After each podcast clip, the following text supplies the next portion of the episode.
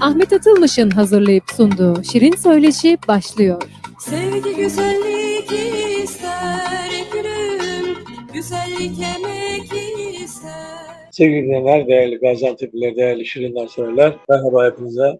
Hepinize iyi günler. Nasılsınız, iyi misiniz? Dileğimiz sağlıklı ve mutlu olmanız, iyi olmanız, özgür olmanız. Özgür olursanız mutlu olursunuz zaten. Gaziantep'ten, Türkiye'den ve dünyanın herhangi bir yerinden dinliyor olabilirsiniz. Bütün dinleyicilere sevgiler, selamlar buradan programımıza başlıyoruz. Biliyorsunuz siyasi parti il başkanlarını programımıza konuk ediyoruz. Bugün Türkiye Komünist Partisi Gaziantep İl Başkanı var. Daha önce Genel Sekreteri zannedersem konuk ettik fakat bir yanılsama olabilir. Yanılsamadan kastım da şu, Türkiye Komünist Hareketi ve Türkiye Komünist Partisi diye iki farklı yapı bu yapı. Zaman zaman ben bakta zorlanıyorum açıkçası. Yaşta ilerliyorum malumunuz. Eksikler olabilir, hatalar olabilir. Sürçülük lisan edersek de affola. İyi günler değerli Gaziantep'liler, değerli Şirinler severler. Siyaset ısınıyor, seçim yaklaşıyor. Siyaset demek seçim demek midir tek başına? Tabii ki değildir. Sadece seçim belli tarihlerde, belli dönemlerde parlamentodaki yöneticilerin belirlenmesidir. Yenilenmesi ya da devam etmesidir. Artık nasıl organize ederlerse. Çünkü organize ediyorlar bu işi. Çünkü bizim ülkemizde halk seçmiyor. Özünde partiler ve parti liderleri seçiyor. Partilerin örgütlerden sorumlu genel başkan yardımcıları seçiyor. Bize sadece oy atmak kalıyor. Yani vekillerimizi biz seçmiyoruz aslında. Seçemiyoruz. Benim vekilim şu olsun diyemiyoruz. Öneremiyoruz. Bize sunulanlar arasından birini seçiyoruz sadece. Bize birkaç seçenek sunuluyor. O sunulan seçeneklerin kendisini bizatihi ya seçiyoruz ya da arasından birkaçını seçiyoruz. O nedenle bu seçimler de çok demokratik değil doğrusunu söylemek gerekirse. Evet, şöyle devam edelim. Türkiye Komünist Partisi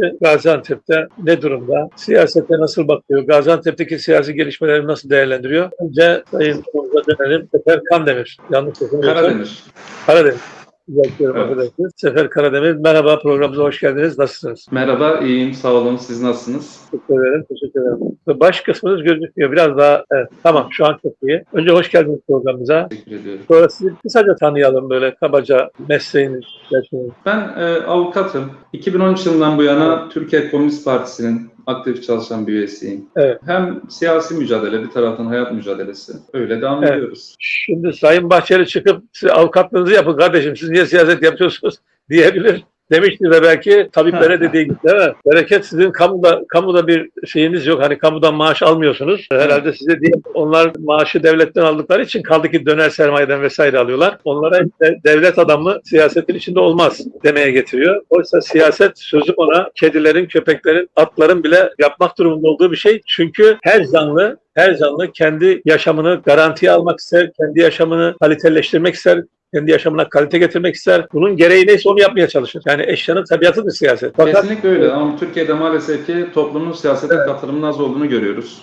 Zaten Evet. başımıza ne gelirse örgüsüzlükten geliyor. Evet, amin. çok toplumumuz olsa da e, amir, amir siyaset yapamaz, memur siyaset yapamaz, o yapamaz, bu yapamaz. Neredeyse sıra avukatlara gelecek işte bu gidişle. Evet, hayırlı olsun sizin Komünist Partisi Gaziantep İl Başkanlığınız. Ne görüyorsunuz Gaziantep'te? Gaziantep'te ne oluyor, ne bitiyor? Yani siyaset adına ne olup ne bitiyor? Hem TKP açısından hem genel siyaset değerlendirme açısından neler söyleyeceksiniz? Buyurun. Ya şöyle söyleyeyim, çok küçük bir nüans önemi yok aslında da İl Evet. Koordinasyon Kurulu üyesiyim ben. Şu anda bizden il başkanlığı yok yani Antep'te. Anladım. Koordinasyon genel olarak Antep İl Örgütü'nün karar alma organı. Ha, tabii yani Evet. çok bir önemi yok. Genelde hani basın toplantılarıdır, kamuoyuna işte bilgi paylaşımıdır. Bu görevi de üstleniyorum aynı zamanda. Ya onun dışında esas sorunuza dönecek olursak gerek Antep özelinde gerek Türkiye genelinde evet herkesin gündem başlığı ekonomik kriz. Toplumun Evet. gündem başlığı ekonomik kriz. Siyasetin de ana belleğeni doğal olarak bu. Ekonomik krize karşı düzen siyasetinin yani her zamanki gibi çözüm üretemediğini görüyoruz. Zaten aslında düzen siyaseti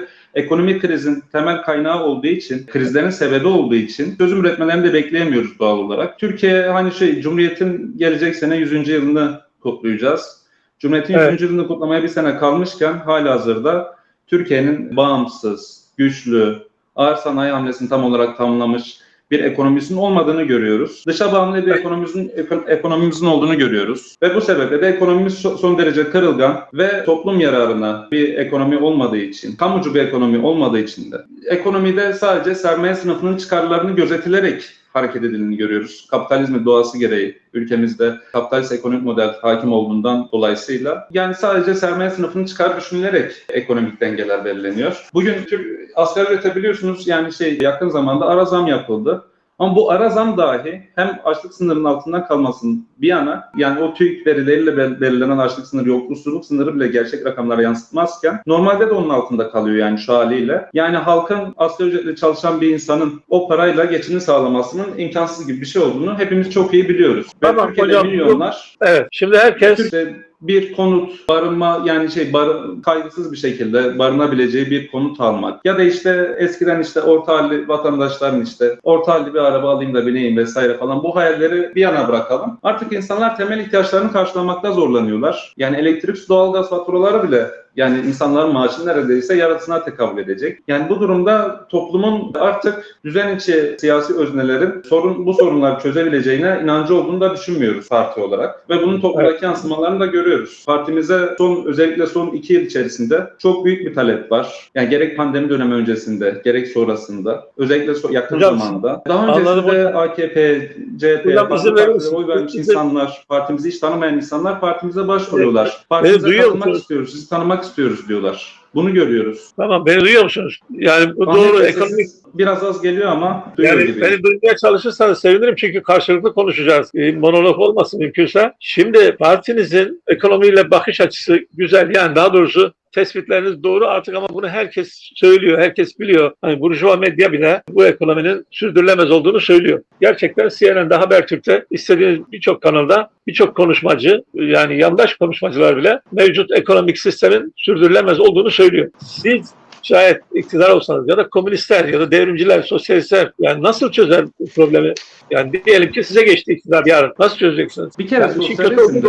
Türk bir kere sosyalizmde bir tarafta milyar dolarlar, milyar dolarlarca serveti olan sermayedarlar, bir tarafta ise onları zenginleştiren, onlara emek vererek zenginleştiren, asgari ücretle Evet. geçinen işçiler olmadığı için, yani böyle bir eşitsizlik düzeni olmadığı için bütün insanların geçinin sağla- sağlayabileceği, o- toplumun kendi Evet. öz kaynaklarıyla bütün ihtiyaçlarını karşılayabileceği bir sistem bir sistem inşa etmek göründüğü kadar zor değil. Yani bugün toplumdaki bu ülkedeki ekonomik krizinde, siyasal krizlerinde, toplumsal krizlerinde temel kaynağı bu sistemin kendisi. Yani ve her geçen gün Türkiye'nin siyaseten de ondan sonrasında toplumun refah seviyesinin de çok daha gerilere gittiğini görüyoruz. Geçmiş sosyal, reel sosyalizmin birebir yaşandığı yani sosyalizm deneyine sahip ülkelerin o dönemki toplumsal ve siyasal yaşantısına baktığımız zaman bunların hem- hemen hemen hepsinin ağır sanayisini inşa ettiğini, kendi bağımsız ekonomilerinin olduğunu, emperyalizme bağımlılık gibi bir durumların olmadığını, dolayısıyla kendi kararlarını kendilerinin verebildiğini, bütün temel ihtiyaçları başta olmak üzere birçok araç ve gereçleri kendilerinin ürettiğini, çalışma saatlerinin düşük olduğunu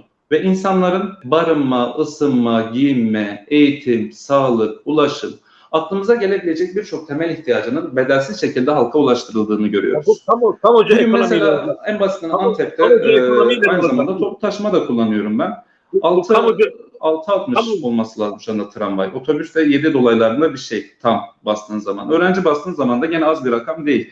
Bugün yani toplu taşıma kullanan bir insan dahi ayda işte 600-700 lira ulaşım masrafı ödüyor. Eğer kiracıysa bir insan küçük işte 1 artı 0 stüdyo daireler bile kirası 2000 liradan aşağı değil bugün Antep'te. Yani asgari ücretle çalışan bir insanın hem kira ödemesi hem işte elektrik, su, doğalgaz faturası ödemesi, Hocam ulaş, Tamam, ulaşım giderlerine para sarf etmesi. tamam Yani hocam şey yapacak, yaşayacak bir insan? Orayı açtık, orayı açtık. O tamam.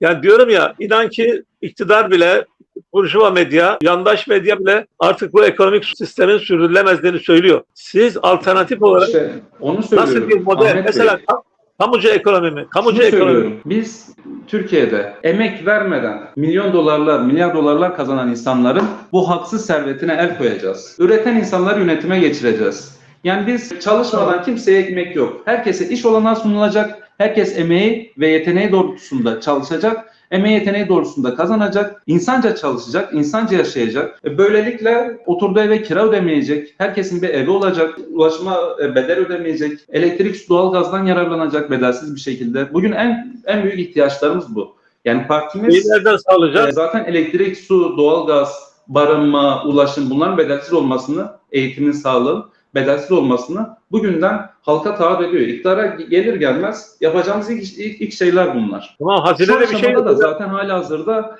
elektriğin, doğalgazın, suyun bedelsiz sağlanması ve kam, kamulaştırması, devletleştirmesi, bu hizmetlerin devletleştirmesine yönelik zaten siyasi çalışmalarımız var. Bugünden de söylüyoruz ve iktidara geldiğimiz zaman bunlar bizim direkt hayata geçireceğimiz işlemler. Anladım. Parayı nereden bulacaksınız peki? Yani sistemi nasıl Para bu çevireceksiniz? toplumun zaten bu bu ülkenin kendi kaynağı.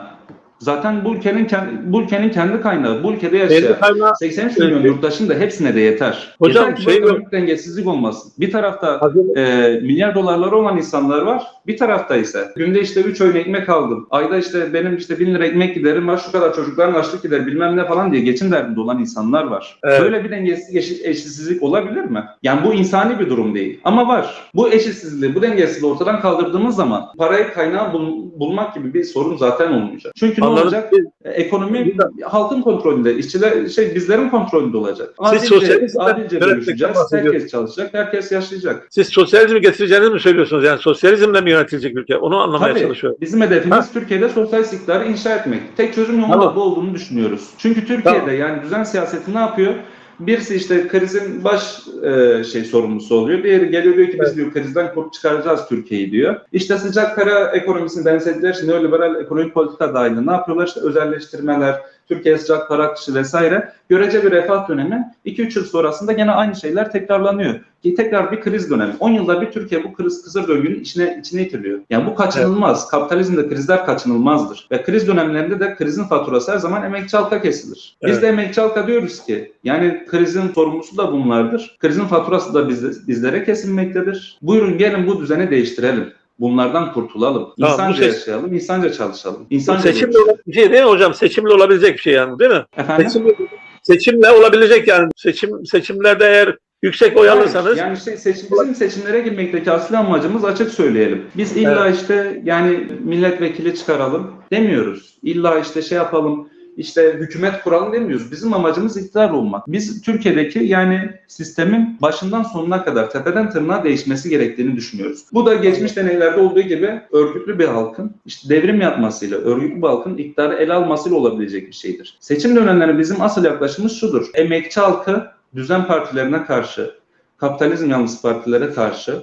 seçeneksiz Evet. bırakmamak ve seçim dönemlerinde işçi sınıfına, emekçi halka derdimizi anlatmak, onları örgütleme gayesi içerisinde onlara propaganda götürmek. Yani elbette Evet. ki bizim seçimlerde de önümüzdeki seçim sürecinde de şeylerimiz var. Kendi e, programımız çerçeve- çerçevesinde, kendi siyasi hattımız çerçevesinde diğer kardeş sosyalist kurumlar, sosyalist partilerle bir arada yapmak istediğimiz seçim faaliyetlerimiz var. Çünkü yani halkı bu e, burjuva partilerine karşı, düzen partilerine karşı seçeneksiz bırakacak değiliz. Elbette ki seçim dönemlerinde bunu göz önünde bulunduruyoruz. Peki, Ama illa ki biz işte parlamentoya girelim, parlamentoya girmek bir başarıdır diye bir şey yoktur. Parlamentoya girmek bir siyasi partinin kendi öz bağımsız gücü, özellikle Sosyalist Parti kendi öz bağımsız gücüyle meclise giriyorsa bu büyük bir başarıdır. Tıpkı 65 seçimlerinde olduğu gibi, 70, 69 seçimlerinde olduğu gibi. Yani böyle olursa bu büyük bir başarıdır. Ama şayet Muhalefet- yani biz bir başka partiden milletvekili sokalım meclise vesaire bu ne halk Hocam- için ne de o parti için bir kazanım değildir. Biz bu yolu Hocam muhalefeti nasıl değerlendiriyorsunuz? Türkiye'de iktidarı ele almak. Sayın Başkanım muhalefeti nasıl değerlendiriyorsun? muhalefet diye adlandırdığımız yani düzen muhalefetinin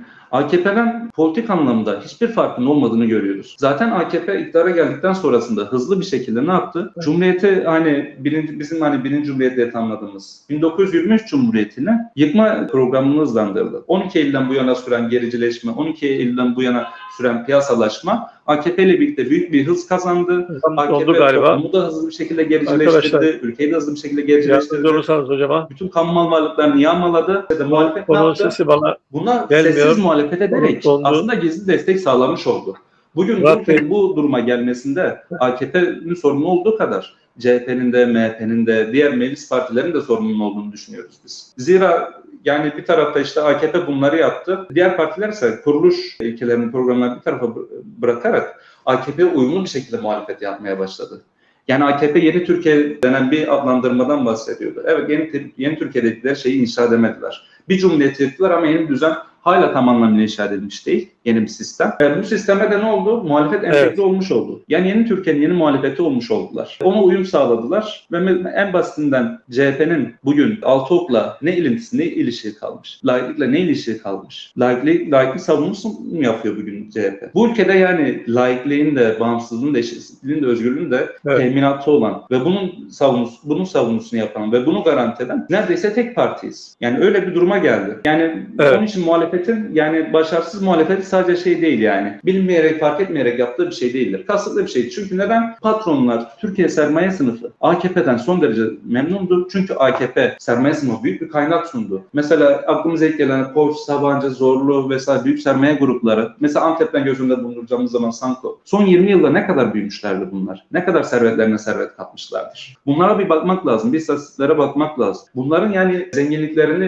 2'ye, 3'e, 4'e, 10'a katladıklarını görüyoruz bu süreçte. Bu da e, ne demek oluyor? Demek ki bu hükümet tamamen sermaye sınıfına çalışıyor ve sermaye sınıfı bunlardan memnun ve sermaye sınıfı muhalefet edebiliyordu yani. Gizli örtülü bir şekilde AKP'yi ayakta tutun. AKP'den biz memnunuz. Siz de memnun olun. Evet. Yani ve velhasıl yani bugün bir enkaz var ortada. Bir kriz süreci, ekonomik kriz. Yani her şey tamamen tepe taklak olmuş. Bu durumda da ne yapıyor işte muhalefete baktığımız zaman işte altılı masa toplandı, altılı masa toplandı. Altılı masanın iktidara geldiğinde AKP'den farklı bir çözüm reçetesi sunma gibi bir durumu yok. AKP ile aynı politikalar oynayacak, aynı sistemi uygulayacak ve muhtemelen dediğimiz şey e, ortaya çıkacak şayet iktidara gelirlerse. Evet. Birkaç yıl görecek bir refah dönemi tekrardan kriz dönemi. Donuyor Kriz arkadaşlar. Sesi donuyor. Yani Ee, altılı masanın yok. yoksulluğa, yolsuzluğa, işte yağmacılığa, bu adaletsizliğe, Türkiye'deki yozlaşmaya, çürümeye, aklımıza gelebilecek birçok şeye, hukuksuzluğa çözüm olabileceğini açıkçası düşünmüyoruz. Yani öyle bir şey, onlardan bir beklentimiz de yok. Anladım. Peki çok teşekkür ederim. Son e, toparlarsanız sözlerinizi alayım. Ne, söylemek isterseniz Gaziantep Yani halkına. şöyle söyleyeyim, çağrımız Türkiye emekçi halkınadır, Türkiye işçi sınıfınadır. Yani düzen siyasetinden umulacak, düzen siyasetinin çözüm beklenecek durumlar çok geride kalmıştır. Artık yani düzen siyasetinin hiçbir şey yapamayacağı bir çare durumda olduğu son derece aşikardır. Ki Zira yani şunu da söylüyoruz, bizim partimiz evet emekçi halkın ciddi bir şekilde başvuru yaptığını, ciddi bir şekilde bizleri tanımak istediğini görüyoruz biz kendi içimizde. Yani bu bunun daha da artacağını düşünüyoruz ama aynı zamanda halkımıza şunu biz de şunu söylüyoruz. Yani örgütsüz bir toplum kriz dönemlerinde, olağan dönemler, olağanüstü dönemlerde her zaman yani sömürünün daha da katmerlendiği, ülkenin daha da kötüye gittiği, e, koşu- koşullarla karşılaşmaya mahkum kalmaktadır. Yani örgütlü bir toplum ise, örgütlü bir halk ise her zaman böyle dönem yani ister olan dönemlerde ister olağanüstü dönemlerde her zaman düzene karşı, egemenlere karşı kendisini daha güçlü hissedecek. Bütün sor- sorunların yani çözümü ilk başta halkın kendi partisinin yanında, işçi sınıfının partisinde, kendi partilerinde, kendi sendikalarında, kendi meslek örgütlerinde örgütlenmesiyle başlayacaktır. Bütün toplumu örgütlü olmaya çağırıyoruz, örgütlenmeye çağırıyoruz. Bu toplum 12 Eylül'den bu yana örgütlü olmaya alışık olmaktan uzaklaştı ama çözüm örgütlülüktedir. Örgütlü olduktan sonrasında birçok şeyi çok hızlı ve kolay bir şekilde değiştirdiğimizi ve bugün tartıştığımız sorunları bir daha tartışmayacağımız bir ülke, bir sistem inşa edeceğimiz günleri görmek daha da yakınlaşacaktır. Örgütlenin diyoruz. Çok teşekkür ederiz. Elinize sağlık. Kolay gelsin. Kendinize iyi bakın. Hoşçakalın. Evet sevgili dinleyenler, değerli Gaziantep'liler, değerli Şirinler severler. Böyle uzaktan ve cep telefonuyla yapmaya çalıştığımız programda ufak tefek problemler oluyor. O nedenle anlayışınıza sığınıyoruz. Ama derdimiz, meramımız size olabildiğince demokratik bir biçimde madalyonun bütün yüzlerini göstermek, bütün bakış açılarını, bütün dünya görüşlerini, bütün yaklaşımları, bütün ele alış biçimlerini sizin size sunuyoruz. Yani dinlemenize sunuyoruz, anlamanıza sunuyoruz, görmenize, izlemenize sunuyoruz. Daha sağlıklı bir karar verebilmeniz için, daha doğru karar verebilmeniz için, daha gelişmeniz için, sizin de kendinizi geliştirmeniz için, herkesin kendini geliştirmesi için programlar yapıyoruz. İçerikler üretiyoruz. Bu programlar, bu içerikler tamamen toplumun, halkın, dinleyicimizin kendini bulması, aradığını bulması, gelişmesi, geliştirmesi, değişmesi, değiştirmesi için yapılan şeyler. Biz de böyle çok eften püften, çok sıradan, çok basit, çok gülüp gülünüp geçirecek programlar yapabiliriz. O zaman yapmayız yani biz, biz yayıncı olmayız o zaman da. Fakat hani bunlar yapılabilir şeyler. Herkesin yapabileceği şeyler. Önemli olan hayatın bütün renklerini, bütün boyutlarını, bütün yüzünü, bütün duruşunu imkanlar dahilinde sizin gözlerinizin önüne ya da kulaklarınıza, sizin gündeminize getirmek, sizin değerlendirmenize sunmak. Biz halk için program yapıyoruz. Halkın sesi olmaya çalışıyoruz. Halktan yana program yapıyoruz. Çalışan ve üreten insandan yana, emekten yana, çağdaşlıktan, bağımsızlıktan, demokrasiden, insan haklarından yana programlar yapıyoruz. Yapmaya da devam edeceğiz. Bir arkadaşım bir mesaj göndermiş ama ha, iyi yayınlar Ahmet Bey demiş Veli Bey. Veli Bey çok teşekkür ederim. Se- sevgiler, saygılar sunuyorum. Hürmetlerimi gönderiyorum buradan Veli Bey. Bunları yapmaya, anlatmaya, çağırmaya, konuşmaya, soru sormaya, doğru sorular sormaya, sizden gelen sorular sormaya, sizin için sorulara devam edeceğiz. Yayıncılığın bu olduğunu düşünüyorum. Yayıncılığın halka, topluma hizmet olduğunu düşünüyoruz. Yayıncılığın toplumun aydınlanmasına bir katkı sağlamak olduğunu düşünüyoruz. Bu yayınlara devam edeceğiz. Her zaman olduğu gibi sağlıkla kalın, sevgiyle kalın, umutla kalın, hoşça kalın, dostça kalın. İyi günler hepinize.